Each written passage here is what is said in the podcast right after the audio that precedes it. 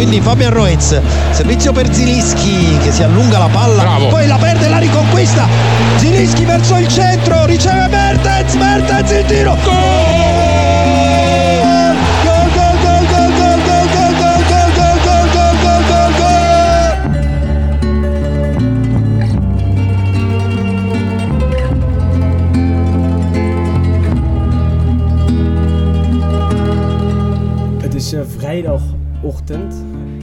Februari, kwart voor 12.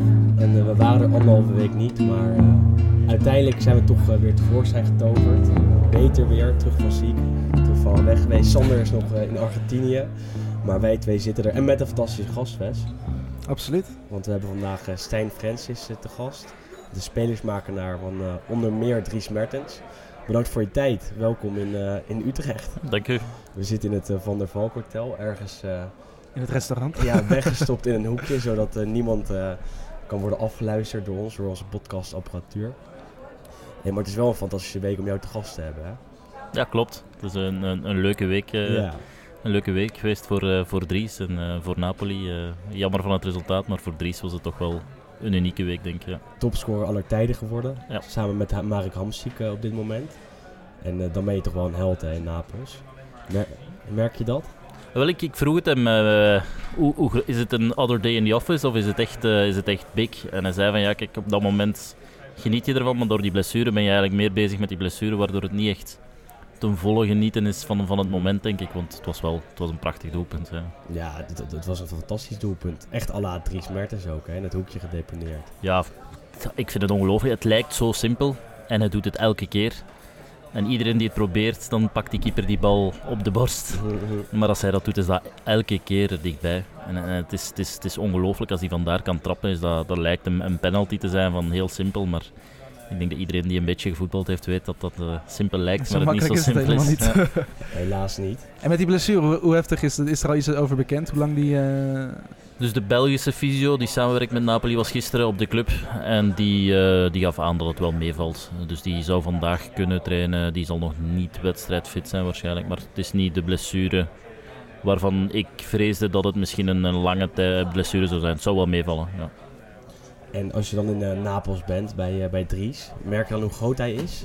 Dat hij niet eh, echt door de stad kan lopen en dat hij door iedereen wordt aangeklampt? Ik moet zeggen dat het in Napoli het hardst opvalt hoe groot voetballers zijn. Ehm, je kan in Londen zijn, je kan in, eh in, in Milaan zijn, maar daar worden spelers gerust gelaten. In Napoli niet.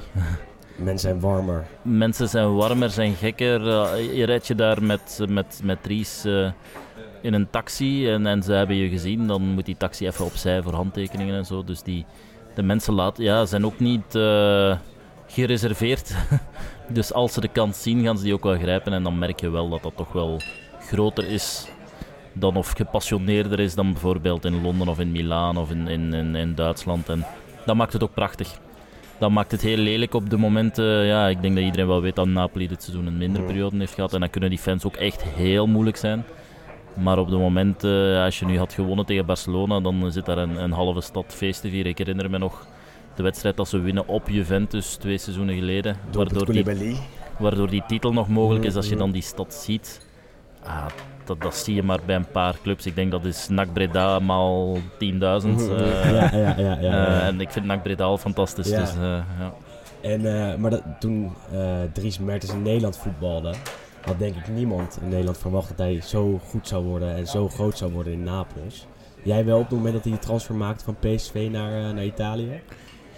God, nee, want je denkt Italiaans voetbal is lastig. Ehm, en dan stond hij ook nog op een andere positie.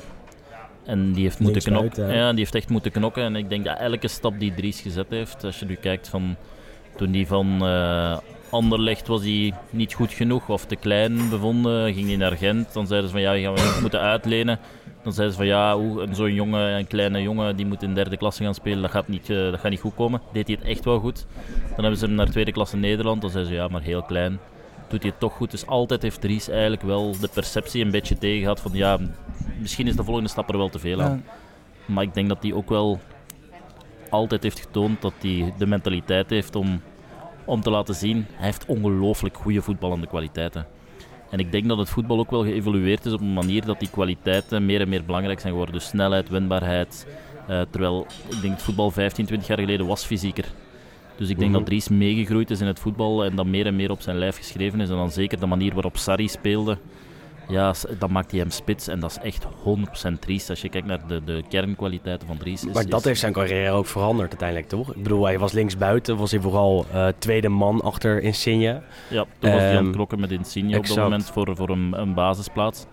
En dan toevallig eigenlijk door de, de kwetsuren van, van Milik is hij op een andere positie gekomen. En ja, dan, dan bleek dat hij toch wel, zeker in dat Sarri eh, tactisch systeem, dat, dat toch wel dat soort spelers vereist. Doet Het echte gewoon Sarismo nog. Het echte prachtige, ja, het, het, Toch? het, Toen het het nog Dat, mooiste, dat, dat is al een stukje... het mooiste voetbal dat ik ooit gezien heb was, Ja. was Napoli. Het was een plezier om te kijken. Ehm, want ik kende Sarri niet toen hij toekwam. En in het begin was het ook echt van, pff, matig. Ja, Eh, eerste paar wedstrijden, en- volgens mij een paar keer Ook verloren. een rare man die veel Mhm. rookt, vloekt. Ongezond eruit man, ziet. ja, die ook uit het lagere voetbal kwam. Dus je denkt, oh ja, Napoli gaat weer typische zesde, zevende, achtste plek opgaan. En goh, ja, wel de ambitie uitspreken, maar het niet doen. Maar dan kwam hij daartoe en die heeft echt... Voor mij heeft hij een beetje het voetbal binnen Europa op dat moment wel wat veranderd. Ja. En dat was prachtig. Elke week was prachtig met een Koulibaly Mhm. die prachtig speelde. Eh daar waren Zelinski die boven water komt, Diawara, eh Alan, eh Jorginho. Prachtige Top, spelers. ze hadden kampioen Ja. moeten worden dat Ja, jaar. ik, ik blijf erbij. Toen hadden ze toen in de winter twee, drie transfers gedaan in de breedte. Eh, dan worden ze kampioen. Eh, want ik denk dat ze door een paar blessures, Goulan, eh, die linksback die uitvalt, die toen echt op zijn absolute top was, hadden ze die beter kunnen vervangen. Niet met Mario Rui. Ja, die het nu wel goed doet. Zeker, ja, eens, ja. Maar die niet die kwaliteit had, dan denk ik dat het had kunnen. Dries die je ook niet kon vervangen op dat moment, omdat Milik eruit was. Als je daar twee, drie extra spelers had, ja, dan denk ik dan had Napoli echt helemaal op zijn kop gestaan. Want het was heel close. En ze hadden echt de kwaliteit om te doen met een Juve die toch slordig was met de punten. Eh, En de druppel is toen wel de, de nederlaag van Napoli bij Fiorentina geweest, denk ik. Ja. Hè? Nee, inderdaad. Dus op een bepaald moment, dat is ook een kwaliteit van Juve. Zij halen dan wedstrijden over de streep. Die bij Inter de avond ervoor. Oh, Ja. Waar je echt denkt dat je, dat je naar die wedstrijd aan het kijken bent en je denkt van hoe is het mogelijk dat, je hier, dat ze hier nog die punten halen. En dat is een kwaliteit. Eh, Ja. Want iedereen zegt ja dat is geluk. Dat is geluk één keer, maar dat is niet geluk als je het Als je het zo vaak doet, is seizoenen het inderdaad geen, doet. eh, geen geluk eh, meer. En hoe werkt dat voor jou? Want jij hebt nu binnen Italië natuurlijk ook wat meerdere cliënten. Eh Zinho Ja. van Heusden, Ja. Die uit de jeugd van Inter komt. Die Ehm, Castanje van Atalanta ja, goed, ja, Dries Mertens is dan misschien binnen Italië Mhm. wel de grootste. Eh, maakt het dan jou ook automatisch dan Napoli-fan? Of ben je gewoon fan van de spelers die jullie onder Jude hebben? Ik ben sowieso fan van de spelers, maar ik moet nu wel zeggen... ehm, met Napoli is het iets bijzonders doordat Sarri daar gekomen is gewoon. En, en, en dan was die club leeft ook helemaal op. Dus dat was een club die eigenlijk morsdood was enkele jaren geleden. Ja. Die komen een beetje terug. Ehm, en dan komt Sarri en, en je voelt die hoop. En, en ja, die hoop is zo prachtig in, in, in Napoli. Dat was, iedereen was daarmee bezig. En, en daarmee denk ik wel, ja, ik vind eh, Napoli wel charmant, maar het kan ook heel lelijk zijn. Ja, het goed, Eh. Is intussen ook helemaal opgenomen. Heeft eh Ciro als, als Ja. bijnaam, typisch Napolitaanse naam. Heeft natuurlijk een prachtig huis daar op Mm, de, Ja. met uitzicht over de stad. We hebben, volgens mij bij de VRT, hebben we toen een, een documentaire gemaakt over de god in Napels, Dries Ja, Mertens. klopt. Ja. Hele mooie docu is dat ook hij aanraden om te kan kijken. gewoon gratis iedere pizzeria binnenlopen, bij wijze Ja. van spreken. Ehm, merk jij, goed, de mensen, de fans van Napoli kennen jou misschien wat minder, maar merk jij er zelf misschien ook iets van als jij dan de, de stad binnenloopt? Nee, maar ik merk wel, en dat is een fout die we in het begin maakten, dat we als we een taxi pakten op de luchthaven en ze merkten dat we Belgen waren. En dan zei je van ja, kijk, wij zijn de vertegenwoordigers van Dries, dat, dat het wel vrij snel op, op Twitter en zo terecht kwam. Eh, Ja, privé is niets meer en dan begonnen er geruchten te ontstaan. En op dat vlak is, is Italië wel het meest bijzondere land met die journalisten die echt compleet eh, gek zijn. Die zouden Eh, hier opduiken bijvoorbeeld, ja, toch? die onbetrouwbaar zijn, die je bellen, eh, Mhm. omdat er ergens in de krant stond van ja, Roma wilt eh, Dries. En die bellen mij en mijn antwoord is altijd bij iedereen no comments. Mhm. Altijd. Behalve bij vraagt me, ons, vind, vind, je, vind, je, vind je Rome een mooie stad? Vraagt die journalist. Ik zeg ja, ik vind Rome een prachtige stad, maar het doet er niet toe, no comments. En ze maken een heel artikel rond het feit dat ik Rome en dan insinueren ze dat ik zeg van ja, dat ik naar Rome. En dat is echt, dat is Italië en dat is echt wel, dat maakt het wel op, op je tellen letten. Is het in Eh, Napels erger dan in Milaan? Ja, ik vind van wel. Door, door de fans of door de journalisten of, of de, de algehele... Ik denk, door de, ik denk Zuid-Italië is sowieso anders. Ja, ja, Eh, ja. Alles is daar gepassioneerder. We hadden ooit een pokoe bij Cagliari en daar kwamen ook de supporters eh, op het trainingscentrum binnenlopen. En die passie is daar gewoon groter. Ik denk dat Milan is voor mij meer zoals Londen. Dat is meer een zekere afstand en een, een zekere, ja, zij, zij voelen zich een beetje de betere Italiaanse. Businesscentrum Ja, eigenlijk, misschien iets westers. Ja, iets Ja. meer noordelijker, dus dat, dat is Ja. een ander feeling. Maar eh, ja, dat, eh, Inter, Inter Milan, eh, Juve zijn, zijn geweldig grote clubs. Maar dat is, ja, die, die passie van de man in de straat in Napoli vind je niet in Milaan, vind ik. Eh, vind je ook niet in Londen. En, en dat maakt het wel moeilijker, ook omdat, mak- eh, mooier, omdat het, het is ook een armere regio. En, en je voelt dat die, die mensen trekken zich op aan het voetbal. Terwijl in Inter, de, de zaken mensen, they don't care of, of Inter wint of niet. Dat zijn er een paar mensen in de straat, maar dat zijn niet, die, niet een hele stad die, Mhm. die, die leeft daarvan. Eh, en dat vind ik wel, ja, vind ik wel mooi. Ehm, en dat maakt onze job wel, je moet wel voorzichtiger zijn met het over Napoli hebben dan het met over, eh, Dan over club, Arsenal of ja. United of, of een ander. Ja. Dus het is een hele gevoelige club. Dus elk Voor de, woord goede, dat je voor de goede orde, hoe lang ken jij Driestan? Hoe lang, Oh, ik ken vanaf welk Dries. moment ben jij eigenlijk zijn eh Ja. ja, ik denk dat ik Dries de eerste keer ontmoette toen hij in AGOVV zat. En toen kwam hij af en toe kijken naar mij. Ja. En dan eh, wist ik van hij speelt in AGOVV. En toen was hij het echt goed aan het doen in AGOVV al. Eh, en echt beginnen werken denk ik nu vijf, zes jaar zoiets. Nee, vier, vijf jaar zoiets. eh, toen hij al net in Napoli zat. Ehm, en dan zijn we daarvoor beginnen werken. Dus ik heb, eh, ik heb niet de, de, de mooie fase in PSV nog. En in Utrecht die heb ik wel gevolgd, omdat hij is van Leuven niet- en ik niet- in Leuven. Dus ik had, wij hadden wel heel wat gemeenschappelijke vrienden. Dus we, is wel iemand die je altijd gevolgd hebt, maar echt voor beginnen werken, vier, vijf jaar denk ik. ja. Want, je hebt, ja, want je hebt zelf natuurlijk ook gevoetbald. eh, Ja. Nog op, eh, op, op behoorlijk niveau. En op een gegeven moment dan was het niet meer echt te combineren met, eh, met je baan als... Ja, en ik, ik was ook niet zo goed om het te blijven combineren. nee, ik, ik moest vechten. Ik zat op het niveau top tweede klasse België, beneden eerste klasse. En ik was vaak gekwetst en ik, studeerde daarnaast. En ik kon dan ergens in een job beginnen die eigenlijk een mooie job was. En dan ben ik op een lager niveau gaan spelen. En ik, eh, ik had nooit het, eh, het niveau gehaald ehm, om, om... Ja, ik heb wel ooit Europees gespeeld zelfs, maar dat is puur toeval. niet op basis... dan? Niet op- ja, dat was met Westerlo. Westerlo won de beker. en ja. die ja. zeiden van, ja, we ook wat jonge gasten laten spelen in, in die wedstrijden, want we gaan ons toch niet kwalificeren. en daarmee... Eh, mooi. eh, dus dat heb ik wel, maar eh, ik had niet de kwaliteiten, punt. Eh, en ik denk ook, eerlijk, dat deze job die ik nu doe, doe ik veel liever dan dat ik voetballer was. Eh, veel mensen vinden dat vreemd, maar ik vind voetballer is echt zwaar. Mensen onderschatten dat echt, hoe zwaar dat is. Mentaal, fysie- eh, fysiek, combinatie. Mentaal, fysiek, die gewoon het, het leven leiden van een voetballer in Italië is dat de dag ervoor op hotel. Je speelt Europees, dus dat is dan minstens twee keer per week op hotel. Ehm, als je het niet goed doet, dan eh, blijven ze jou op hotel houden. dus dan mag Ja. je gewoon niet naar huis. Vooral bij Napoli natuurlijk. ja, niet alleen bij Napoli, moet zeggen, Cagliari, eh, Ja, Chievo, ja, absoluut. ik heb het overal gezien. Dus dat is echt de Italiaanse cultuur. Als je niet presteert, hè, bestraffen we jou en je moet op hotel blijven. Je, je wordt uitgefloten als, het, als je twee wedstrijden op, rij verliest. Eh, je, hebt, eh, je moet elke dag, en, en dat is iets ja, waar ik nu echt enorm van geniet, je wordt geleefd. Terwijl ik nu kan zelf mijn agenda bepalen, maar de agenda van een voetballer bepaalt iedereen, behalve de voetballer zelf. En als je moe bent, doet er niet toe, je gaat toch trainen. Als jij ziek bent, zeg van ja, pff, ik blijf drie dagen in mijn bed. Die speler zeggen ze oké, je mag één dag thuis blijven, maar de dag erna kom je op de club en begin je toch al wat te fietsen. En je denkt, maar ik voel me echt niet goed. Ja, maar je gaat het toch doen, want je lichaam... Dus je wordt echt geleefd en je wordt constant wordt er druk op jou gelegd. Terwijl nu de enige die druk op mij legt, ben ik zelf. En natuurlijk, ja, de, de, je moet je werk doen, maar dat, Ja. dat is iets dat je zelf in de hand hebt. Terwijl, goh, ik denk als jullie eh, je job zouden doen en elke week zouden er 20.000 mensen en elke week zouden zeggen, nu moet je dit en dat doen, dan zou het de charme er op een bepaald moment wel van afgaan. Ook omdat je voelt, je lichaam wordt ook wel Merk echt je dat? moe. Merk je dat bij je cliënten? Dat ze eh, naarmate ze langer voetballer zijn, er toch minder zin in hebben? Toch het lastiger is om, om hun werk uit te voeren en om toch elke week op het veld te staan? Je hebt cliënten die echt ongelooflijk graag voetballen. Je hebt er echt die, die, die zouden huilen als ze moeten stoppen met voetballen. En, en die jongens die, die genieten er echt van. Maar ook met die voel je wel op een bepaald moment als je lichaam begint te, tegen te werken. En dat begint vanaf de leeftijd van bij de, tegenvallers vanaf 7, 28. Bij de jongens die geluk hebben 2, 33. Die dan toch zeggen van oef, het doet toch pijn.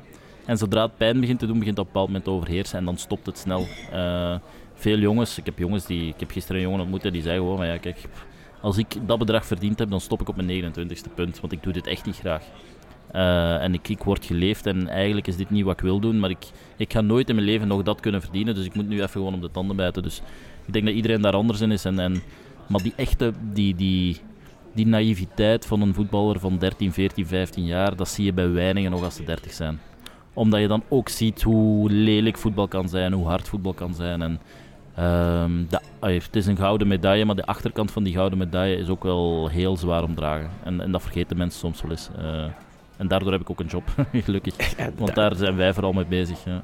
Zeker. En ehm, aankomende zomer loopt het contract van Mertens af. Er zijn veel geruchten, zijn net om over AS Roma, over Chelsea, over Inter, ook over Napoli zelf. Ehm, merk je dat dan dat die geruchten telkens terugkomen en dat, dat je steeds vaker wordt gebeld, steeds vaker alles in het nieuws komt, er steeds meer druk op, op komt? Merk je dat dan ook tijdens die onderhandelingen met Napoli of met andere clubs? Ik, ik moet zeggen dat ik eh, die geruchten echt niet meer lees. Oké. Ook omdat in het begin doe je dat nog wel, maar dat is vermoeiend en geeft ook heel veel stress voor iedereen. Dus ik denk dat we daar nu niet meer echt mee bezig zijn. Met de clubs die interessant zijn, heb je toch al contact en weet je exact wat de situatie is. Is er interesse, is er geen interesse? Dus al die geruchten, ik merk dat niet meer, ook omdat je op een bepaald moment beslis je, ik geef toch aan geen enkele journalist info. Dus dan komen ze ook niet meer terug bij jou uh, en dan stuurt mijn vader of mijn vrouw wel eens, ah ja, gaat ga die speler naar daar en dan denk ik van ja, hè, van waar komt dat nu?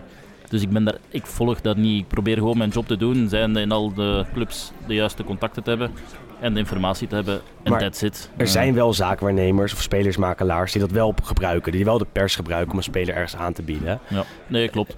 Maar dat hangt, ik denk dat Dries niet een zaakwaarnemer nodig heeft of een journalist nodig heeft om, om eh, zijn kwaliteiten te benadrukken. Ik denk dat dat soort speler is groot genoeg. Ik kan me wel voorstellen dat bepaalde zaakwaarnemers zeggen ja, die clubs willen uitspelen, die dan de indruk wekken, ik wil absoluut naar die club om dan daar de prijs op te drijven.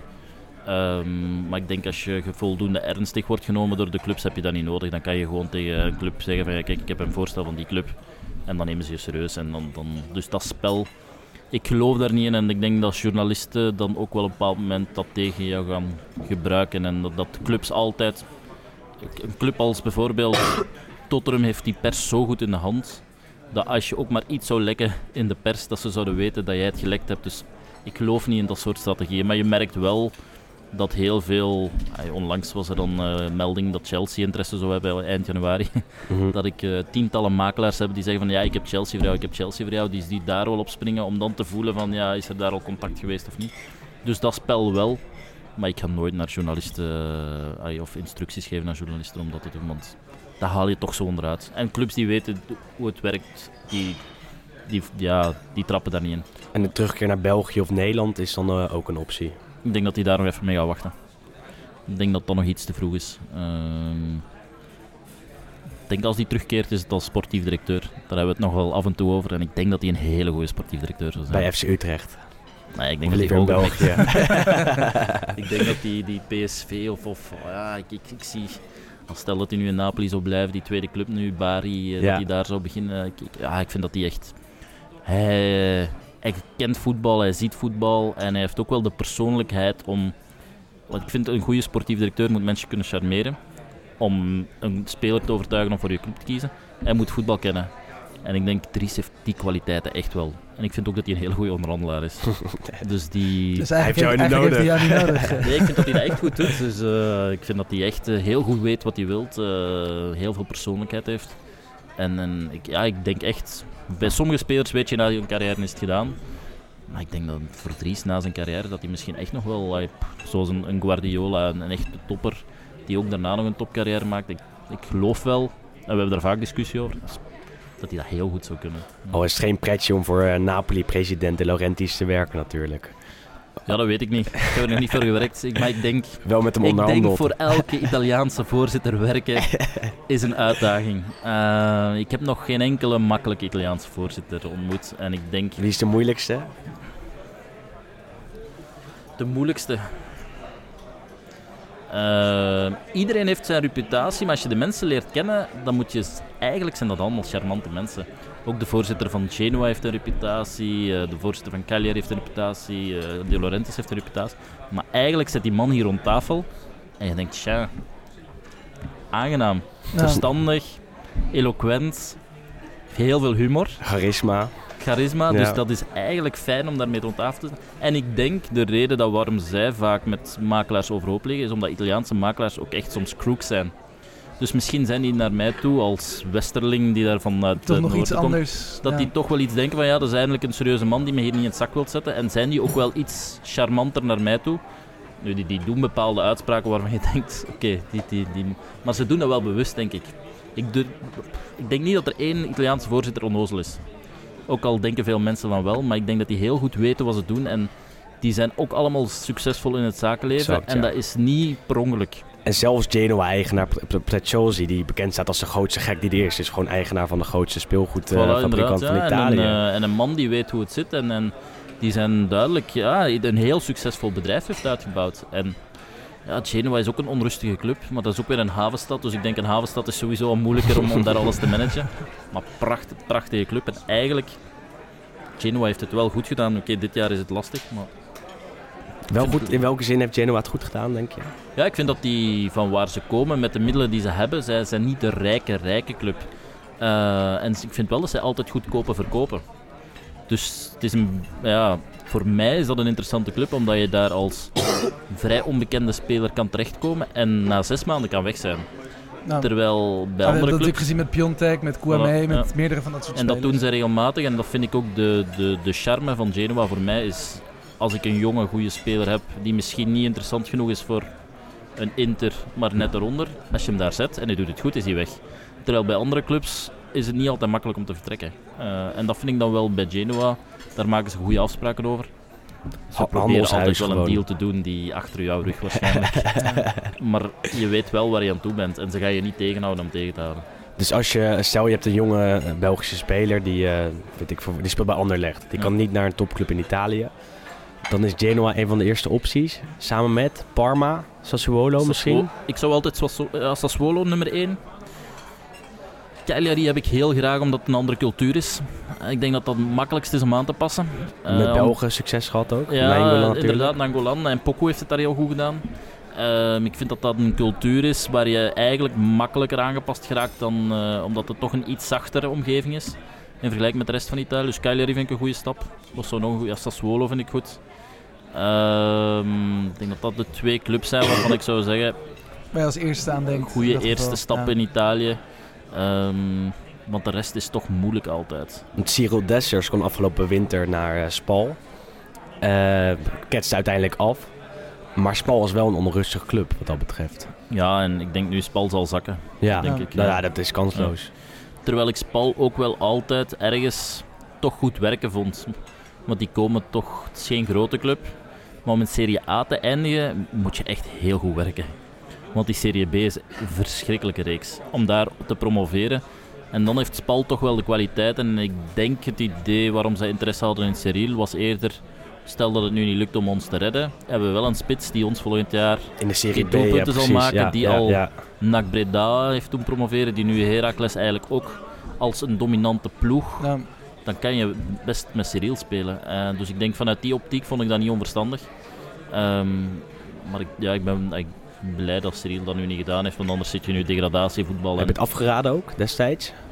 Wat is, ik heb gezegd, kijk, het is een optie, maar op dat moment was Celta Vigo eigenlijk vooral Cyril zijn, zijn voorkeur. Ehm, en, en daar hadden we wel naartoe willen. En- Maar één keer als je met Celta Vigo in je hoofd zit, dan kan je met alle respect voor Spal, die switch naar Spal maken is dan lastig. En voor zover we met Heracles ook een akkoord hadden gevonden, want dat was dus ook niet het geval. Dus eh, daarmee dat het eigenlijk, Ja. ja, we hebben er eigenlijk niet moeten over nadenken, want de deur was dicht. Dus, ja. Ja, jammer wel, want het, om, voor hem om de kans in Italië te spelen is natuurlijk wel hartstikke mooi ook. Of in Spanje, hetzelfde Ja, verhaal. ik, ik, eh, voor hem is het een, een, een topcompetitie, is, is, is een droom. Hè. Eh, en die, die, die, ja, Cyril is 25 nu. Die trein komt niet elke zes maanden voorbij. Eh, je hebt nu een heel goed seizoen. Als hij zich morgen kwetst, ja, is het voorbij en, en ben je, heb je ernaast gegrepen. Dus ik vond, ja, persoonlijk vond ik dat echt erg voor hem. Eh, ik, eh, alle begrip voor het standpunt van de club. Ehm, maar ik vind nog altijd als Cyril zes maanden geleden bij Heracles komt en je zegt zes maanden later kan je naar een topcompetitie voor het bedrag dat geboden werd, had ik hem graag zien vertrekken. En Ja. natuurlijk heeft Heracles het recht om nee te zeggen. En Maar jij hebt daar natuurlijk ook verder niet heel veel op, in te, ja, op aan te nee, merken. natuurlijk. Ja, ja. Ja, op aan te merken wel. Ja. Ik, Ja, ik, ik vind goed, het vera- natuurlijk, het verandert- ik, ik, het verandert ik, natuurlijk ik gun het Cyril, maar je kan daar niks aan doen. Je kan daar een beetje ruzie over maken en je kan daar heel veel teleurstelling over uiten. Ja. Maar een club beslist en eh, dat, is, dat is het goede recht. En eh, ik denk, ja, Heracles blijft voor mij de juiste stap. En ja, ze hebben hem ook het platform geboden en dan moet je ook correct zijn met elkaar. En, En als hij zo doorgaat, Dat is wat Heracles natuurlijk ook zei, van ja, maar hij gaat doorgaan. Eh, maar dat weet je niet op dat moment. Nee, en nu, dat is nu gaat hij wel door voorlopig. Ja. En dan gaat hij goed door. maar dat is, dat is een gok. Op merk je dat er moment. paniek is dan bij spelers om snel een stap te maken naar een absolute topcompetitie zoals de La Liga of, of eh, de Serie A? Ik denk bij Cyril niet, omdat je, Cyril weet ook van zichzelf, ik scoor toch. En die eender waar die speelt, zal die wel doelpunten maken. Het is alleen, ja, als het dan echt zover is, ja, dan is het wel zuur om dan die kans zien voorbij te gaan. Want dat is de eerste keer dat hij die stap kon zetten. Eh, dus ik hoop nu deze zomer dat we een tweede keer die stap kunnen zetten. Ehm, maar dat is niet iets dat, dat elke week voorbij komt. Dus ik, ik denk dat Cyril wel verstandig genoeg is om te weten, als ik verder doe, dan komt de kans misschien wel eens terug. En ik denk ook dat dat zijn motivatie wel is. En is er dan al nu wel iets afgesproken met Heracles over dan een zomerse transfer? Omdat ze nu er een beetje voor zijn gaan liggen halverwege het seizoen. Wat ook wel begrijpelijk is aan de ene kant. Ja, we, we hebben daar juist afspraken over gemaakt. Dus we hebben daar, ja, dat is natuurlijk op dat moment zelf is er dan een beetje emotie bij als je die kans krijgt en je laat liggen. Maar nu hebben we daarover samengezeten en ah, die, die brokken zijn gelijmd. En eh, voor zover er wel brokken waren. Want je moet ook altijd begrip opbrengen voor een club. Als je, eh, vier maanden is een heel korte termijn. Hè? Dus je komt aan in, in juni, juli en dan, dan na vier maanden of vijf maanden later zouden ze al moeten verkopen. Dat kan natuurlijk, maar eigenlijk was het de bedoeling altijd geweest, we verkopen hem op het einde van het seizoen. ja, absoluut. Ja. En ik denk ook dat dat een logica is van, van een club, dat je zegt van ja kijk Cyril, we, wil, we geloven in jou, je gaat nog je lijn verder zetten en op het einde van het seizoen verkopen jou voor het juiste bedrag en werken we erover samen. En dat is ook altijd de afspraak geweest, maar natuurlijk ja, als het zo snel gaat, nou, dan als zaakwaarnemer ga je daar dan tussen liggen. Want daardoor hebben ook vaak zaakwaarnemers toch wel een vrij slechte reputatie. Nee, ik, heb, ik moet zeggen, ik heb denk ik alles eraan gedaan om, om Cyril naar daar te krijgen. Ja. Omdat die kans ja, is niet een kans die zich elke dag voordoet. Dus dan moet je er ook voor vechten. Eh, en daar is voor gevochten geweest. Maar ja, op een bepaald moment krijg je een nee. En, en, dan proberen we wel op andere manieren om daar een ja van te maken. Maar Ja. eh, die heb je niet in de hand. Want kun je begrijpen dat zaakwaarnemers of spelersmakelaars, of in jouw geval is het eerder eh, sportadvocatuur, zoals, eh, zoals je jezelf ook noemt. kun je begrijpen dat daar ook een slechtere, of tenminste dat die in de media vooral, of bij fans een, een negatieve connotatie Nee, dat begrijp ik zeker en vast. Zeker naar de fans toe. Hè, omdat ja, ja, je probeert toch altijd de beste spelers van een club ergens anders naartoe te brengen. Dus dat is de job. En de Ehm, fans willen dat niet natuurlijk. En de fans willen dat niet en je verdient dan zogezegd nog veel geld en eh, je verdient meer geld dan eh, je verdient. En dus de reputatie die we hebben is niet goed. Ehm maar het is part of the job en, en ik denk ook, wat mensen onderschatten is dat we wel degelijk toegevoegde waarde hebben. Sommige makelaars niet, maar ik denk ook sommige makelaars echt wel. Eh, omdat wij meer informatie hebben dan clubs en spelers en hen daar heel veel bij kunnen helpen. Ehm, maar ja, het is... Want wat is dan ook precies het, het verschil? Want jij bent natuurlijk meer een soort sportadvocaat, een spelersadvocaat. Eh, we hebben kennen natuurlijk ook de types eh, ja, Mino Raiola, Ja. die eh, natuurlijk vooral via de media speelt. Jullie hebben met jullie eh, bureau onder andere ook een, een boek geschreven over bijvoorbeeld een failliete voetballer. Over Ja. het, het managen van geld na een voetbalcarrière. Eh, wat doen jullie dan anders dan stel een, gemiddelde zaakwaarnemer? Ik denk het, het verschil is eigenlijk vrij makkelijk uit te leggen. Wij zijn gegroeid vanuit de advocatuur. Dus wij zijn gegroeid vanuit een begeleiding, vanuit een bescherming. Terwijl een eh, makelaar die start, is deal-driven. Dus de- deals maken, deals maken. Terwijl wij echt vanuit een begeleiding zijn begonnen, vanuit een bescherming zijn begonnen.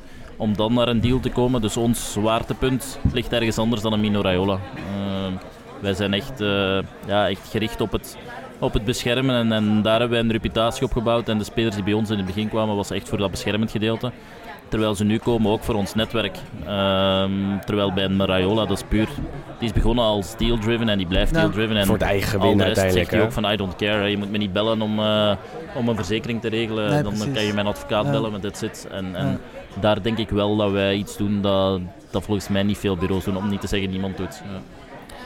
Afgelopen week verscheen er een interview met eh Lazio linksback eh, Jordan eh, Lukaku. Bij de Belgen van Eleven Sports. En ik had even contact vooraf met Michael van Varenberg. Dus die zei, hier moet je hem even naar vragen. Zou dit bij jou zijn gebeurd? Stel, Jordan Lukaku was een, een cliënt van jou geweest. Eh, in het interview geeft hij aan dat zijn broer altijd kapot, eh, kapot eh, wordt gemaakt door de pers. Dat hij, ja, weet ik, hij, hij liet zich helemaal los. Hij vertelde alles. Ik, ik moet zeggen dat je, het verbaast mij dat Lazio Roma dat heeft laten passeren. ja, Want normaal gezien hebben wij daar heel weinig impact op. Want dat loopt dan via de clubs. Dus al die aanvragen die ik binnenkrijg voor alle spelers stuur ik gewoon naar de club. clubs en dat gaat door. Of dan. naar hun social of een Ja, mediabureau. ja. En, en, dus ik heb daar eigenlijk weinig impact op. En meestal is een club die dat dan tegenhoudt. Eh, bij Tottenham zou daar nooit gepasseerd zijn. Dit was 10 minuten vuurwerk. Hij Ik vertelde vond, alles wat hij ik, wilde ik heb het vertellen. niet gezien, maar wat ik ervan gelezen heb Ja. was echt... En ook de manier waarop. Ja. Je maakt je eigen speler een beetje kapot. Ja, en hij ik, eh. vertelde over, over een journalist. Volgende keer dat ik die journalist zie, dan vlieg ik hem aan. En dat, dat, dat Ja, het is... Maar, ja, hij heeft ook al een, een slechte reputatie natuurlijk, maar ik vind het vreemd. Eh, zou dat bij ons gepasseerd zijn? Ik denk als wij Ro- eh, eh, Jordan zouden vertegenwoordigen, dan hadden wij dat ook aan de hand gehad. Omdat ik er zou op rekenen dat de club dat wel zou doen. En je kan niet alles controleren. Zeker niet in Italië.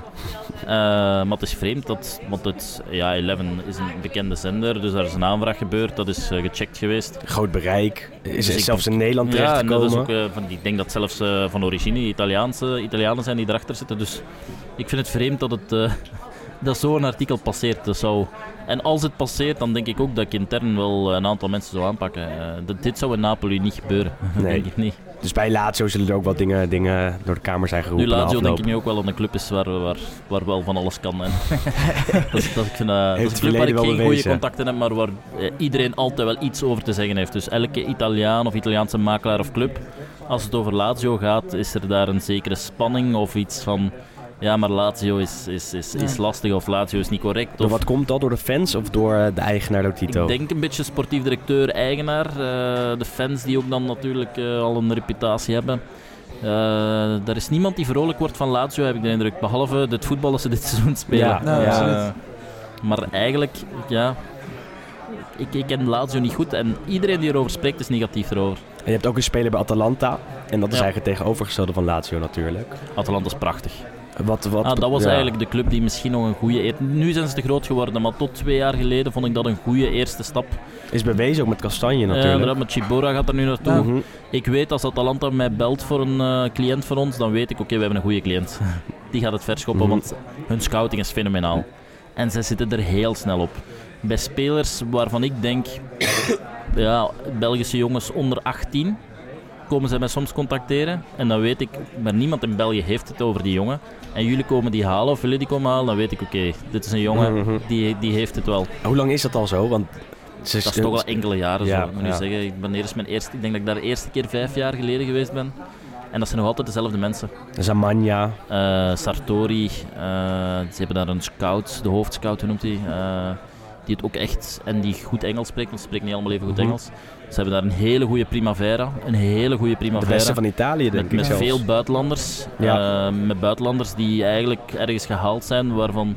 Ook uit. Afrika, hè? Ja, uit Afrika. Traoré, Ja. de broertjes, uh, Ja, ze hebben daar nu een paar Gambianen, denk ik nu. Colli en zo bij de Primavera, die echt, ja, nou, dingen die daar nu verkocht is. eh, Moussa Barrow. Barrow die het heel goed doet. Dus hun scouting is fenomenaal. En wat ik merk, het verschil tussen Inter en, en, en eh, Atalanta.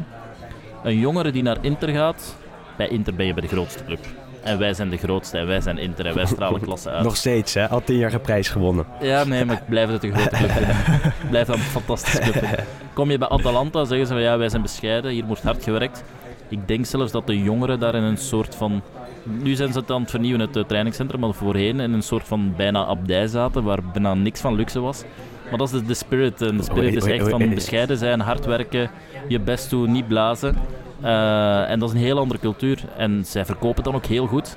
En zij hebben nu de reputatie binnen Italië. Als je bij Atalanta goed doet, dan mogen we je eigenlijk niet kopen, want de volgende stap doen ze het niet goed. Gagliardini, Caldara. Heel veel eh eh, eh, toptransfers die vertrekken. eh, eh, Cristante van. Roma. Allemaal Eh, mislukt al- uiteindelijk. Allemaal mislukt elders. Dus ik, ik merk nu bijvoorbeeld eh, een Piero Zilio van Inter. Die zegt van ja, Stijn, ik wil geen speler van Atalanta. want ik wil ze eerst, als ze ergens anders eerst presteren, dan wil ik er 10, 20 miljoen meer aan uitgeven. Maar dan weet ik dat die goed is. Maar bij Atalanta het goed doen wil niet zeggen dat je het ergens anders goed doet. Ook omdat ze een systeem hebben. De Nederlandse jongens die het daar goed doen. Ik denk niet dat iemand dat durft zeggen. Nee, absoluut niet. Toen Haat de Nee. Nederlands elftal gehaald inmiddels. Twee doelpunten in de Champions Goossens League. doet het daar Goossens. goed. Goos doet Ja, fantastisch. Ja. heeft natuurlijk... eh, Terwijl, eh, toen die jongens die stap zetten, zou iedereen zeggen van ja, kijk. En ik denk als zij nu een volgende stap zetten, dat iedereen zegt, ah ja, zie je wel, het was toch Mhm. niet... Omdat Atalanta op een manier speelt die echt ja, heel veel lijstend is, waar iedereen goed weet wat hij moet doen. Het is een heel soort puzzel die in elkaar valt Ja, altijd. Maar die spelers zijn er ook echt op gekozen. En het is niet omdat je de kwaliteiten hebt om bij Atalanta te spelen, dat je de kwaliteiten hebt om bij een, eh, een Inter te spelen of bij een Milan te spelen, omdat dat toch, dat zit minder goed in elkaar. En daarmee dat ik denk ook dat die coach elders het ook moeilijker heeft, omdat het spel van Atalanta vereist dat je totaal geen ego hebt. En ik denk in het Italiaans voetbal, eender welke andere club, heeft elke speler wel een ego. En in Atalanta niet. En dat maakt de club wel mooi. En ik moet zeggen, dat vind ik wel... Ja, dat is een club waar ik veel respect voor heb. Dat vind ik een voorbeeld, ook naar eh, jeugdwerking, naar, naar de manier van scouting. Eh, ja, die komen van nergens. Die komen echt van nergens voor mij. Eh, Negen jaar geleden nog ik degradatiekandidaat, zei nog het in de gisteren nog Serie tegen de mensen van Heracles, jullie moeten je daaraan spiegelen. Dat zijn perfecte scouting en die groeien door. Maar dat, dat hele systeem is heel ingewikkeld eigenlijk. Dat, dat hadden ze ik al weet niet of dat zo ingewikkeld is. Nee, ik, de, de, ik denk de dat er gewoon goede mensen zitten. Maar het is vanaf de jeugdscouting tot aan de, de, Nee, de scouting voor ze het eerste team. scouts. Ze hebben goede scouts. Heel duidelijk ook. Ze geven ook belachelijk weinig geld uit. Je moet, als je bij Atalanta gaat onderhandelen... Ik, kan, ik had een speler die naar Atalanta kon. Die kon de helft verdienen in Atalanta wat hij in België kon verdienen. Maar de helft. En dat was voor de eerste elftal. Ja. Dus dat, dat is vreemd. Want zij voor een spelen- Champions League ploeg voor ook, een? Champions Ja. League club, voor een speler waar veel geld voor uitgegeven wordt. En zei ja, nee, we doen dat niet. Ja, maar nogthans met het fiscaal systeem is het nu ook al voordeliger. Mhm. Ja, nee. Als hij een stap wilt zetten in Italië, dan moet hij dat salaris aanvaarden. En dat is hun manier. En dat werkt. En, dat, en dan Ja. investeren spelers in zichzelf. Ja, worden ze beter en dan kan je inderdaad een transfer maken. Zo'n weg te geraken is ook niet makkelijk natuurlijk. Nee, Ja. oké, maar die kan een stap maken straks in de zomer van 30 miljoen. Nee, voilà, voilà. Eh, ja, ze gaan niet voor minder dan 20 miljoen gaan ze Nee, niet verkopen. En ze halen je voor een paar miljoen. Dus nee, dat is, ik denk...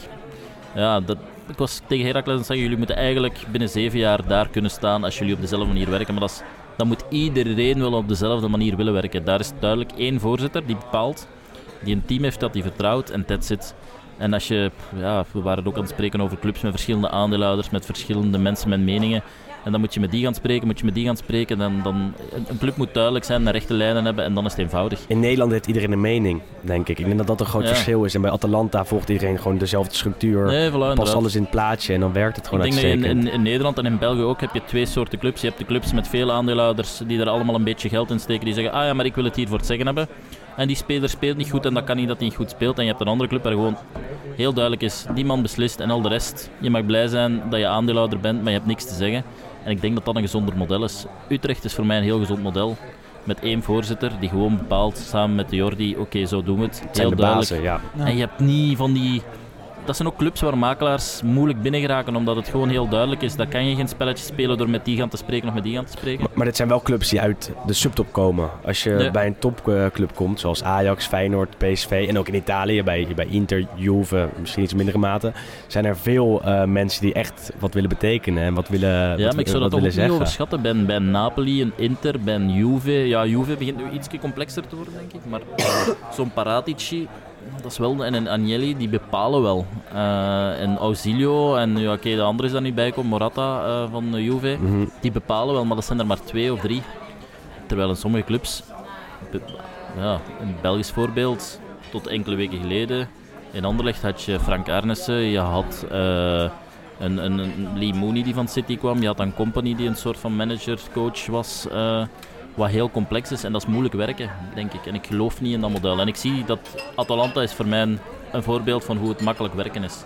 En juist werken is. Ja, Ja. ja, dat is duidelijk.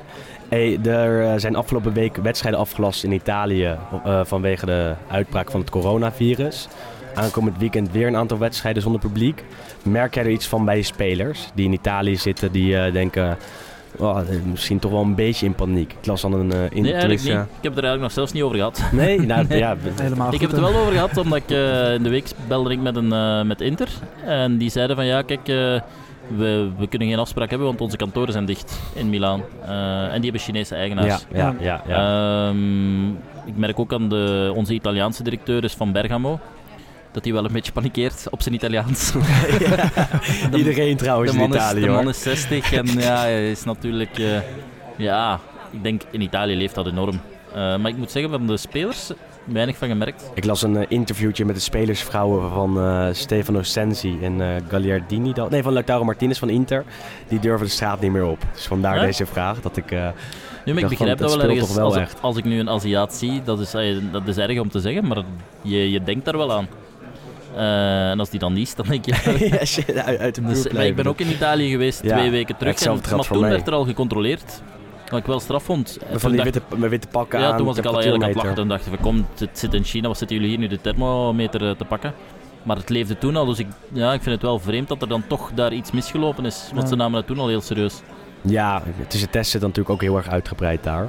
En eh, lekker in paniek. Maar ja, dan gaan we het, het over het corona-uitbraak hebben. En dat moeten we denk ik niet. Ehm, en iets anders wat wel interessant is, vind ik. En, en daarover berichtte jij mij afgelopen zomer, of daarvoor al zelf, dat er in Italië een eh, wet doorheen werd eh, gevoerd. Het eh, Decreto Crescita. Wat houdt het precies in? Ehm, ja, een, een fiscale hervorming, waardoor het een pak interessanter wordt voor Italiaanse clubs om niet-Italiaanse spelers te halen. De spelers die van buiten Italië, Italië komen, in plaats van ongeveer 50% belastingen betalen ze nog of 25% belastingen. Wat een gigantisch eh, competitief voordeel is, waardoor Italië plots bedragen kan betalen aan spelers die Engelse clubs betalen. Maar dat geldt enkel voor spelers die de afgelopen twee jaar nog niet in Italië waren. Dus bijvoorbeeld voor een Dries geldt dat niet. Dus Mhm. daar is nog altijd 50% belastingen. Maar voor een Toby, waar even sprake was van Roma vorig seizoen, was het wel degelijk eh, dat hij onder die nieuwe regeling valt. En dan kan je wel dat soort spelers halen. Want tot twee jaar geleden zou Toby nooit overwegen om naar eh, Italië te gaan, omdat ze gewoon niet mee konden financieel. Maar nu worden ze wel competitief. Dus ik denk dat dat wel interessant is. Dus eh, ik ben alleen benieuwd hoe lang het gaat duren. Het hangt ook van het politiek klimaat altijd af. Maar ik vind dat wel, eh, dat maakt dat Italië een heel interessant land wordt voor goede jongeren vanuit Ajax, AZ, PSV, vanuit Anderlecht, Club Brugge. Financieel gaan zij een betere zaak doen. Lozano zat zonder dat systeem volgens mij nooit in Italië. Nou, En, goed, wel... Matthijs de Ligt natuurlijk die kant op binnen België. Alexis Salemakers ja, eh, onlangs. voilà, inderdaad, inderdaad. Eh. Eh, en dat, dat maakt wel een verschil. En de Engelse clubs vinden dat verschrikkelijk. Ja, En die zeggen van ja, dat is competitievervalsing. Eh, maar ik denk dat elk land heeft zo wel zijn eigen systemen. Met, We België hebben in Spanje nu Spanje natuurlijk heeft gezien met toch? Barcelona dat die buiten klopt. de transferperiode een nieuwe spits mogen halen. maar volgens mij heeft Spanje ook, anders eh. Spanje heeft ook een, een, een, een financieel eh, stelsel, toch? De Beckham ja, Law, dacht maar ik. ik denk dat dat nu wel met die portretrechten, dat, eh, dat daar een beetje beperkingen op gesteld zijn. Nu, in Engeland kan je ook een deel via image rights uitbetaald worden, dus dat is ook een optimalisatie voor hem. Dus elk land heeft zo wel zijn, zijn voor- en nadelen. Ik denk enkel Duitsland is nogal vrij duidelijk, met, met vrij hoge belastingen. Maar dan kiezen mensen dus wel, of kiezen spelers wel zeker makkelijker voor Italië om... Ik denk dat eh, het aantrekkelijker wordt. En ik moet ook zeggen, het Italiaans voetbal wordt ook aantrekkelijker. Hè. Je, ja, je hebt Ronaldo gehaald, Lukaku. eh, Lukaku die daar voor heel veel geld gehaald ja. heeft, die het goed doet. Het ja, nu op. Europees ja, is het misschien... Ja, ik wacht nog altijd op een Champions League succes. Het gaat niet lukken, dit Ja, jaar. Het zal moeilijk worden, vrees ik. Heb je gekeken afgelopen week naar Juve? Nee, ik heb Juve niet gezien. Nee, ik heb Juve niet Best gezien. wel, hè? Verstandig dat je niet... het, Dat was is geen, zo het, was, erg, hè? het was geen pretje, nee, absoluut Ik heb, eh, ik heb ook een half uur zitten kijken en het was, het was echt helemaal niks. Eh, wat jammer is. Nu Juve dit seizoen... goh, Ja, het valt, dit- maar dat- juist met Sarri, waar zoveel Het verbaast positiefs over van was Sarri dat het, eh, dat het niet het Sarri is. Ook in, eh, nu in Chelsea denk ik had hij wat meer tijd gehad. Ja. Maar de manier waarop Sarri speelt mag je als speler ook geen ego hebben. En in Napoli had hij een groep met allemaal jonge spelers of spelers die de motivatie hadden om het te accepteren. Ja. Die het in het begin ook niet accepteerden, voor alle duidelijkheid. Totdat ze zagen, oh, het werkt hier Dit wel. is de manier om toch nog een keer kampioen te worden. En, en ik denk in een, in een Chelsea was dat lastig met een Eden Hazard die gewoon zei: ja, maar ik wil gewoon een beetje voetballen. Eh, die nu in Real Madrid eigenlijk ook gewoon een beetje aan het spelen is. En wat ik hoor dan is Real Madrid is een speeltuin. En dat werkt op een of andere manier omdat dat grote spelers zijn. Maar bij Sarri, die kan dat niet managen. Die heeft niet die persoonlijkheid, die wil het op zijn manier. En als hij niet op zijn manier, bijna, die, die, die, wordt gek. Ja, ja. Conte wordt gek. Eh, die, die, die Italianen die eisen een bepaalde discipline. En ik, ik denk dat Sarri, vreemd genoeg, bij Juve toch ook moeilijk heeft om die spelers op zijn manier te laten voetballen. Ehm, Terwijl dus- Juve normaal gesproken wel eh, een tactische club is. Er is Ja, wel altijd een en duidelijk vast. systeem Ja. geweest bij Juventus. Dat is niet per se aanvallend, maar wel, er is wel Ja. altijd een duidelijk tactiek. En dat, Terwijl nu, eh, ik heb in het begin van het seizoen vond ik ze echt heel zwak tegen Napels. Heb ik die wedstrijd gezien, dat ik echt dacht van oef. dat nog 3-3 tweede helft, werd. wat was dat allemaal? Eh, trok echt op niks. Die zakte gewoon in elkaar. Natuurlijk ook wel wat, wat blessures gehad. eh, maar toch, ja, ik vond dat niet, Nee, Ju- Juve overtuigt me niet dit seizoen. Nee, Ja. totaal niet. En daarom zijn, eh zijn Lazio en Inter nog steeds in de race. Ja, nee, tuurlijk, ja, inderdaad. Het is, het is on, ja. Ik hoop op Inter. Ik hoop echt dat Inter... oh, gewoon voor het Italiaans voetbal. Ja, ik ook, Inter ja, ik ben wel een beetje Inter-Napoli. Ben ik, ja, ik, ik heb Inter echt graag. Omdat ik ook... Ja, ik vind dat die goed werk leveren en dat, een aangename, dat zijn aangename mensen binnen die club. En dat maakt plan veel, tegenwoordig. En dat, Ja, eh, inderdaad. En dat zijn warme mensen, correcte mensen. En het, is, het is niet op zijn Italiaans. Eh, ze hebben mij nog geen streken achter mijn rug proberen doen. Heel transparant communicatie. En ja, heel aangenaam werken. Ja, en dat komt dan door Ausilio. ja dat, is- dat komt door Ausilio. Ik, ik, eh, ben heel, ja, ik ben een enorme fan van Ausilio. Een hele fijne man. Charmante man, correcte man. Communiceert goed, kent voetbal. Geeft geen ego. Kan met zichzelf lachen. eh, wat niet vaak gebeurt met Italianen, maar dat kan die wel. Dus nee, hele fijne man. Ja. Eigenlijk de, de tweede technisch directeur van Inter tegenwoordig natuurlijk. Sinds de komst van eh Beppe Marotta ja, van maar ik Juventus. denk dat hij, ja, Morata meer eh, CEO is, eh, terwijl Ausilio het sportieve doet. Dus ik denk dat Ausilio en Conte het sportieve verantwoordelijkheid hebben en Morata dan echt het financiële en met French Fair Play daar wel samen goed de, de, beetje de waakhond is dat alles goed loopt. En natuurlijk zijn ervaring heeft, want Inter is wel een grote club met het stadion en, en Maar bij, bij Inter ging er afgelopen winter tijdens de transferperiode iets mis. Eh, Leonardo Spinazzola zou komen van Roma. ja, Eh, en het schijnt dat dat is misgelopen omdat Ausilio en Marotta niet samen op één lijn zaten. maar dat weet ik niet. Heb je daar nooit wat, nooit wat Nee, van ik heb daar gemerkt? eigenlijk niet achter gevraagd. Nee, nee. Ah, dat weet ik eigenlijk niet. Ik, eh, was dat niet omdat die medische controle van de, de speler die daar... Nou, het, het schijnt dat Ausilio al afspraken had gemaakt met Roma. Dus dat het deal rond was. Toen hoorde Marotta daarvan en die zei... ik wil nog één keer een extra medische test. Want Spinazzola had zijn kruisband al Ja. een keer afgescheurd. Eh, toen ging de deal niet door. Roma, met uh, de, de technische directeur daar, zei... Nee, we hebben al een deal. Ausilio en ik hebben samen aan tafel gezeten. Via, nou, niet aan tafel zitten, samen mailcontact gehad. eh, hadden een duidelijke deal. We gaan niet nog een keer onderhandelen. Ehm, en het, is natuurlijk altijd vanuit bui- van buitenaf en de media die erop inspeelt. Maar het schijnt dat er wat ruis op de lijn was tussen Ausilio en Marotta binnen Ja, Daar Inter. heb ik eigenlijk niks van gehoord, eerlijk gezegd. Nee, ja, dat is een ingewikkelde situatie natuurlijk. Maar een soort van twee kap... Nou, ik, ik zou het niet willen zeggen, maar misschien twee kapiteins op één schip. Maar dat heb ik eh, nu het, niet het gevoel gehad. eh, ook naar vorig jaar met French Fair Play was er heel veel rond te doen. En dan ging dat onder andere over Van Heusden. En dan zaten die eigenlijk wel heel goed op één lijn, moet ik zeggen. Ausilio, de koning van de financial fair play, hè, die heeft Ja, al eh, Wel, gaten die, die weet wel het in elkaar zit, dat Ja. kan ik nu wel zeggen. En dat is ook wel een stresserende periode tot 30 juni voor hem. Dus ik denk dat hij tot 30 juni echt enorm veel stress heeft. En dan eh, weer op 31 augustus weer in die stress valt. Dus dat hij twee, één financial play, fair play window heeft en één gewone window heeft. Ja. En ja, ik hoop wel dat ze nu daar een keer uit geraken. Want ik denk ook die Chinezen, die ja, zijn toch ook wel ambitieus, denk ik. Ja, Eh, zeker. eh, hoeveel hoeveel meer winst ze tegenwoordig maken of meer omzet ze hebben is, is gigantisch. Ze zijn ook onmetelijk rijk, heb ik begrepen. Die, die mensen zijn echt... eh, Alleen je, je let op, als je te veel investeert, dan eh, word je straks uitgesloten van nee, deelname aan de Champions mee League. ja. En nog een ander ding, want gisteren werd ook bekend dat er nu eh, vanaf deze zomer over eh, huurspelers eh, nieuwe regels komen. Over heel, eh, heel Europa. FIFA, ik weet niet of je het zelf wat mee... eh, Nee, dat heb ik, nee, ik ben gisteren de hele dag in meetings geweest, dus ja, ik heb nee, dan niks... goed, dan zal ik even bijpraten. Nee, dat een club maximaal Hm. acht spelers eh, ja, mag eh, Ah, huren of verhuren. En het gaat dan wel om spelers boven de 22, dus bij de jeugd en onder 21 blijft dat wel gewoon, eh, gewoon mogelijk. En ze gaan dat nog lager maken vanaf 2022, 2023 worden het zes spelers die je mag Mhm. huren of verhuren. Ehm, denk je dat, want hoe, zeg maar, qua verdeling misschien bij jullie op, eh, eh, op het bureau, is het, is het transfers definitief en huurtransfers? Wat is een beetje die verdeling daartussen? Ik denk dat bij ons 80, 90 procent is definitief. Ja. Dus we hebben niet heel veel huurspelers. Eh, huurspelers is vaak jongeren die niet doorbreken en die dan toch ergens anders een kans moeten hebben. Het verbaast me wel. Ik denk dat vooral ja, de impact zal vooral voor Juventus zijn, denk ik. Ja, goed, de Eh, Engelse ploegen natuurlijk ook. Ja, de Engelse eh, clubs, maar ja. ik ben nu over Italië aan het denken. Ja. En dan denk ik dat vooral... eh, En voor Atalanta ook wel, toch, denk ik? nu in Italië moet ik wel zeggen, dat is, dat is echt onvoorstelbaar. Die laatste dagen gaan die allemaal samen in een Ja. hotel zitten. Ja, nee, klopt. Eh, in Hotel Milaan. Melia en Milaan, toch? En nu was dat Amelia inderdaad. eh, en, eh, wat dat verandert nog wel eens. Ja. En dan zitten die gewoon samen en zitten die onderling deals te doen. En eh, ik moet zeggen, vier, vijf jaar geleden, dan ging dat niet enkel over het huren van spelers en deals in elkaar passen, maar dan ging dat ook over het kopen van de economische rechten, wat toen nog kon. Ja. Dus die waren daar rechten aan het verdelen en aan het Op kopen. En jij pakt het 50% schrijven. op die speler en ik pak die. Ah ja, maar we kunnen die niet verkopen, want we hebben eerst de toestemming. Dat was echt een, een, een beetje zoals op de beurs was dat, en, en, een- en een drukte. En, eigenlijk, ja, en dan gaan die smiddags daar vaak in hetzelfde restaurant zitten. En in dat restaurant kom je iedereen tegen die daar is. Eigenlijk geweldig. Ben jij daar ook dan? Ja, ik ben er eh, altijd als ik in Milaan ben, mijn Italiaanse directeur pakt me dan mee naar daar. En altijd kom je daar iemand tegen. Maar die laatste twee, drie dagen van de Mercato is dat echt fenomenaal. En eh, dat, is, ja, dat is eigenlijk gewoon eens de moeite om te gaan zitten.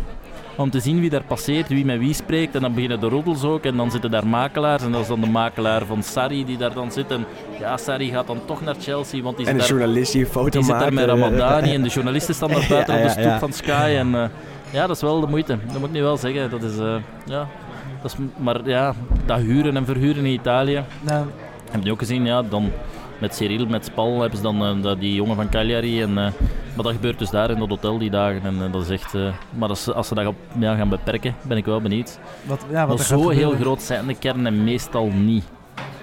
Ze hebben wel vaak nog wat jongeren waar, Ja. waar want ze zijn nu ook aan het spreken, denk ik, van een onder 21 competitie Ja. eh, in te voeren. Dus misschien gaat dat wel een oplossing zijn om wat huren tegen te gaan. Want daartussen zit vaak niks. En dat is Nee, het probleem is voor de jonge spelers. En goed, dat is natuurlijk een van de redenen waarom Juventus bijvoorbeeld een tweede elftal heeft opgericht. Die Ja. spelen nu de Serie C. Ja. Eh, doen het daar Nee, voilà. maar Ik denk dat dat een goed idee is. eh, Oh, attentie alstublieft. Dat zijn wij niet, geloof Ik ik. heb wel een voorbeeld. even spannend. Geen grijze gelukkig. Maar ben jij fan van Italië? Zou je jezelf als, als fan van het land ik, eh, beschouwen? ik, ik doe het liefst zaken in Italië. Engeland vind ik wel, ik vind Londen cool, maar omdat Londen daar zo'n energie hangt en daar kan je eigenlijk, als je in Londen bent, eh, City heeft daar een kantoor, United heeft daar kantoor, kan je eigenlijk één, twee dagen heel goed werken en je voelt daar een energie hangen en een professionalisme en je voelt daar zitten eigenlijk de grote clubs. Maar Italië is charmant en dat is een voorzitter die zegt van kom we gaan eten en, en die, die maken dan tijd voor jou en, en ja, met, met, met wijn en, en, mensen zijn charmanter. Het is een heel andere manier van zaken doen. Dus ik, ik ben echt fan van Italië. Ik, eh, het enige jammer is dat niet iedereen Engels spreekt. En mijn Italiaans, ik spreek zelf geen Italiaans, maar ik begrijp het wel een beetje. Maar dat maakt het niet altijd makkelijk. Maar ik vind het echt leuk om daar zaken te doen. Eh, ook omdat ze kenners zijn van voetbal. Soms kom je binnen in kantoortjes in Italië dat je denkt je bent 50 jaar teruggecatapulteerd. Maar je begint over voetbal en die mensen weten alles van voetbal. Die zijn daar echt zo mee bezig en die, die, dat zijn kenners. De algemene kennis is hoger dan in Terwijl je bij een Engelse topclub kan binnenkomen en je zit er met iemand rond tafel en die weet echt niet of je speler links of rechtsvoetig is, letterlijk. En dat zal in Italië niet Mhm. gebeuren. De mensen die daar sportief directeur zijn, dat zijn wel kenners. Het enige probleem dat die soms hebben is dat die voorzitter ook denkt dat hij een kenner is en dan zijn eigen speler ook. Maar dat zijn echt mensen die de passie en, en de Ja. kennis hebben en, en dat vind ik wel leuk eraan. Eh, ik leer daar wel altijd iets bij en dan ook naar zaken doen. Zij zijn zo creatief en zij zijn zo ingenieus met een manier waarop ze een deal kunnen in elkaar steken. Ik vind dat, ja, ik vind dat wel boeiend. Ik vind dat een, leuke, ja, een leuk land en een leuke competitie. Maar de kans is misschien ook groter dat je in Italië eh, een loer wordt gedraaid dan in, eh, dan in Engeland Nee, bijvoorbeeld. sowieso. Ja, en zeker met de, met de Italiaanse makelaars. wow, die dan hun eigen lijntjes hebben naar bepaalde clubs. En die dan... wow, vermoeiend. Ja. Heel vermoeiend. Maar ik heb een goede Italiaanse directeur die, die al die 60 is en die, die het Italiaans voetbal door en door kent. En die mij ook waarschuwt, Stijn, pas daarop. Dit is aan het gebeuren. Eh, en als je dat niet hebt, dan ben je verloren. Dan ben ik... Ik had in Italië nooit mijn netwerk kunnen uitbouwen zonder die man. Omdat je, je, je wordt genaaid. Achter je rug om, hè? ja, achter je rug. En, en door de clubs die dan samenwerken met bepaalde makelaars, omdat dat makkelijker is om een deal te doen. En het is makkelijker om een deal te doen, maar als je dan niet weet hoe die lijntjes lopen en ja, als je daar als een naïeve Belg instapt, ja, dan pakken ze je. Ja, Ja. echt, dat is Ja, gewoon zo. ja. ja. En we hadden op Twitter hadden we ook nog wat vragen binnengekregen voor Ja. jou. Ehm, een van de meest opvallende dingen wat we eigenlijk de afgelopen paar transferperiodes hebben gezien, ook rond Napoli, eh, is dat er spelers rond leken met, met de club en uiteindelijk toch niet, eh, ja, de transfer niet definitief werd. Onder andere over de eh, ja, imago-rechten, de image rights. Eh, er werd natuurlijk ook een paar keer gesproken over spelers die Gomorra hadden gekeken en niet meer naar de club durfden. Amin We Younes. weten niet precies wat daarvan van waar is, maar is het inderdaad zo lastig om onder andere die, die portretrechten die dan rond te portretrechten maakt het heel lastig. Ehm, Verplicht op de kalender. Ja, ik weet dat er een aantal spelers ehm, niet die transfer kunnen maken omdat zij bepaalde commerciële deals lopen hebben of hun portretrechten geëxploiteerd worden door bepaalde vennootschappen die dan de rechten moeten overdragen, maar die niet kunnen overdragen. En een van de voorwaarden van, van De Laurentiis, en ik zie nog altijd niet de commerciële logica, want dat is een discussie die ik al uren gevoerd heb met. Zij willen al die rechten hebben. Dus zij willen normaal gezien als speler, hoe werkt dat? Je hebt een, ehm, Je hebt je portretrechten als speler van Napoli, je hebt je portretrechten als speler van het nationale elftal. En dan heb je nog je privéportretrechten dat je doet met de Nike deals en, Ja, en Adidas. ja. Maar wat Napoli wilt is, al die rechten, ook al heb je overeenkomsten, eh, we stoppen die overeenkomsten en je geeft die allemaal aan ons. Wat niet mogelijk is. Want je hebt bepaalde deals die gewoon zeggen van ja, kijk, maar je kan die niet zomaar stopzetten of het kost je geld.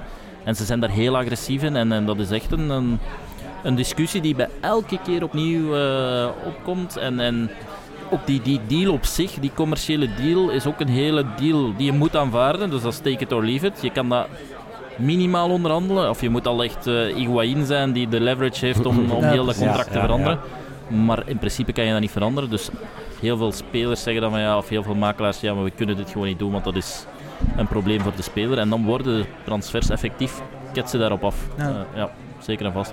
Gomorra weet ik niet. Je hebt zelf geen spelers gehad die eh, bang zijn geworden door televisieseries. Nee, maar ik hoor wel, eh, ik heb daar, dat is niet Dries of zo die me dat gezegd heeft, maar ik heb ooit gelezen in een artikel dat eh, bepaalde spelers wel met maffialeden op de foto zijn. eh, en dat ze daar wel rond, wel rond gewaarschuwd worden van pas toch op daarmee. Want ja, Hamzik heeft ooit eens zijn horloge kwijt geweest, zeker. Eh, Ja, dat wel goed goed. en eh, ik denk dat hij zijn horloge was gestolen. En eh, twee dagen later had het maffia teruggegeven. dus, eh, ik weet niet of dat waar is, of mooie dat een urban legend is of niet, maar het is eh, in ieder geval een mooi verhaal. dat is wel een mooi verhaal. Ja. Eigenlijk hebben de meeste lezersvragen al, of de, de luisteraarsvragen al eh, behandeld. Veel vragen over Dries Mertens namelijk. Of je ooit had durven dromen of Dries zo groot had willen worden, of kunnen worden. Maar dat hebben we al gevraagd. Nee, ja. Wanneer hij zijn contract gaat verlengen. Mijn persoonlijke vraag, wanneer hij voor Inter tekent. en of een terugkeer naar PSV mogelijk is. Maar dat, dat is dus eh, voorlopig Ik, nog ik niet aan de orde. dat hij. En, ja, ik, ik denk dat hij sportief directeur kan worden bij PSV op een bepaald moment. En ik denk dat hij dat heel goed zou doen. Ja, Eh, voor zover dat hij. Want hij heeft natuurlijk. Hij wil terugkeren naar België, denk ik ook na zijn carrière. Toch deels. Eh, hoewel hij al, denk ik, meer dan de helft van zijn leven niet in België woont ook. Dus ik weet niet hoe honkvast dat hij nog is. Maar hij zei wel dat het lastig was, volgens mij in die docu van, eh, die, we, die jij hebben genoemd. dat het lastig is om iedereen in België te hebben en zelf in Italië Nee, te voilà, zitten. voilà, inderdaad. Dus en, en hij heeft heel veel vrienden in het Leuvense. En ik denk wel dat hij terug zal keren naar België. Maar Het goed, zijn vrouw Kat die zit ook niet constant in, eh, in Napels zelf, toch? Nee, want die heeft ook een drukke job. Ja, Eh, Hij heeft een aantal drukke jobs in België, dus die, is niet, eh, die kan niet gewoon niet er altijd zijn. Eh, nu, Dries reist ook heel veel met, met het met Ja. ploeg, dus, dus het is geen gemakkelijk leven. Dus ik denk wel dat hij blij zal zijn na zijn carrière, dat hij even tot rust kan komen ook. Ja. Toen nog even een achtergrondvraag van hoe belangrijk is dan ook nog de, ja, de, de stem van Kat in dit, in dit verhaal? Bijvoorbeeld, volgens mij toen de China-geruchten gingen, dat zij ook... Maar ik denk dat Kat de rol speelt van elke vrouw die bezorgd is en die zich vragen stelt en die zegt van ja, die ook zegt eh, geld is niet het belangrijkste. Eh, heeft ze echt een veto? Mm, nee, ik, ik weet niet of ze een veto heeft, maar ik denk wel Dries eh, respecteert en luistert er wel naar. Dus dat zeker en vast wel. Dus ik denk wel als Kat een mening heeft, dat Dries daar zeker rekening mee zal. Dat sowieso, ja, zeker en vast. Laatste vraag. Aankomende zomer het EK. Wordt België Europees kampioen? Met Dries Mertens in de hoofdrol? Ik ga iets vreemds zeggen, maar ik denk als Salazar lang genoeg gekwetst is wel. Omdat dan? ik denk dat... Dat is misschien een eh, persoonlijke mening. Ik denk dat we zonder Hazard sterker gaan zijn dan met Hazard. Omdat je dan de Bruine helemaal tot zijn recht kan laten komen. En ik, ik, ik vind nog altijd moeilijk. En een Hazard en een De Bruyne trekken te veel naar zich toe. En je moet duidelijk hebben wie de leider is. En ik denk dat het makkelijker zal zijn met dan een Lukaku en een Dries. Dan heb je wel iets. Eh, enkel verdedigend, ja, Vertongen speelt niet altijd. Eh, je hebt dan Toby, Company is vaak gekwetst. Het is de laatste keer dat het kan, denk ik. Eh, en je hebt een Company nodig, volgens mij, die nog altijd goed is, Hmm. als die fit is. Ja, Ehm, dus als speler dan. ik denk dat we meer kans maken dan Nederland. Dat, dat wel. Hey, dankjewel voor je tijd. Dankjewel voor je, plezier. voor je komst naar Utrecht. Al was het niet speciaal voor ons, maar goed, dat doen we net alsof. Wij zien jullie volgende week weer en bedankt voor het luisteren. De derby d'Italia, Juventus-Inter, heeft een verleden met incidenten, maar eigenlijk draait alles om dat ene moment in 1998. Toen Ronaldo na een prachtige passeeractie door Marco Giuliano onderuit werd gehaald en Inter geen strafschop kreeg omdat scheidsrechter Ceccarini de overtreding niet waarnam. Het spel ging door en aan de overkant maakte Zé Elias van Inter een overtreding die wel met een penalty werd bestraft. De stoppen sloegen door op het veld. De Braziliaan kreeg rood. Alessandro Del Piero miste vanaf 11 meter. Maar omdat hij al eerder in de wedstrijd had gescoord, won Juventus uiteindelijk dit topduel met 1-0. Waarmee de basis werd gelegd voor een nieuwe Scudetto. Die overtreding van Giuliano op Ronaldo, die niet werd bestraft, loopt als een rode draad door de Moggiopoli-affaire. Want hoewel Juventus later werd bestraft en ontmaskerd voor vergrijpen in latere seizoenen, is het voor de Interfans duidelijk dat niet de Scudetto van 2006 aan Inter toebehoorde, maar juist die van 1998. In dat seizoen speelde Inter ook nog eens zeer aantrekkelijk en overtuigend voetbal. Met spelers als Gianluca Pagliuca, Giuseppe Bergomi, Diego Simeone, Aaron Winter, Yuri Djorkaeff, Alvaro Ricoba en Ronaldo. Inderdaad, de man die we nu de dikke Ronaldo noemen, maar toen vooral de sprinter Ronaldo was. Een week voor de nederlaag in Turijn werd Juventus bevoordeeld in de uitwedstrijd bij Empoli. Een gelijkmaker van de Toscaanse ploeg werd door scheidsrechter Rodo Monti niet waargenomen, hoewel de bal zeker een meter over de doellijn was geweest. De scheidsrechter vroeg de spelers om door te spelen, hetgeen die van Juventus maar al te graag deden. En zodoende bleef Juventus voor de kraker koploper in plaats dat uh, Inter als koploper naar Turijn zou reizen. Het was allemaal list en bedrog om Juve boven Inter te houden, was de algemene opinie. In de week voor de kraker werd er in de praatprogramma's al veel gediscussieerd over de rol van de arbitrage. Op de ochtend van de wedstrijd zei Massimo Moratti, de voorzitter van Inter... Ik hoop dat Juve Inter vooral een reclame voor het voetbal zal zijn. Een duel van twee van de beste ploegen van het land. En natuurlijk zie ik Inter graag winnen. Maar ik hoop vooral ook dat we na het eens niet over de scheidsrechter zullen hebben. Helaas kwamen die twee wensen niet uit. Juve won en het ging na afloop vooral over de arbitrage. Er werd in de volgende dagen uh, zoveel gediscussieerd dat zelfs er vragen werden gesteld in het Italiaanse parlement of het er wel op het veld eerlijk aan toe was gegaan. Jaren zou het gaan over psychologische onderdanigheid, totdat via afgetapte telefoongesprekken duidelijk werd dat Juve een enorme invloed had op scheidsrechters, dankzij de spindokter Luciano Morgi. De bond bood Inter excuses aan in de vorm van een scudetto, die van 2006, maar eigenlijk werd 1998 bedoeld.